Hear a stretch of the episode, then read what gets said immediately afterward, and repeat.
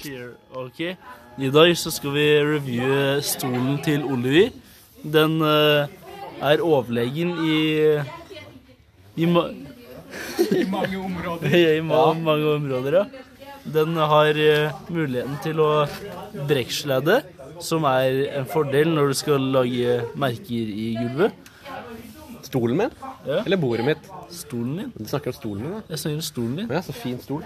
Ja, og så kan du også stille inn Hva faen kan du gjøre, egentlig? Vinkler. Skrrt. På ryggen og Skal vinkle opp og ned og alt. Så den er bedre. Så vi krever da at elevene på Drømtorp trenger en sånn stol. Hvis ikke, så får vi hjerneskade. Doner til Jeg vet ikke. Nei, nå går vi over til Adrian. Hva har du å si om stolen?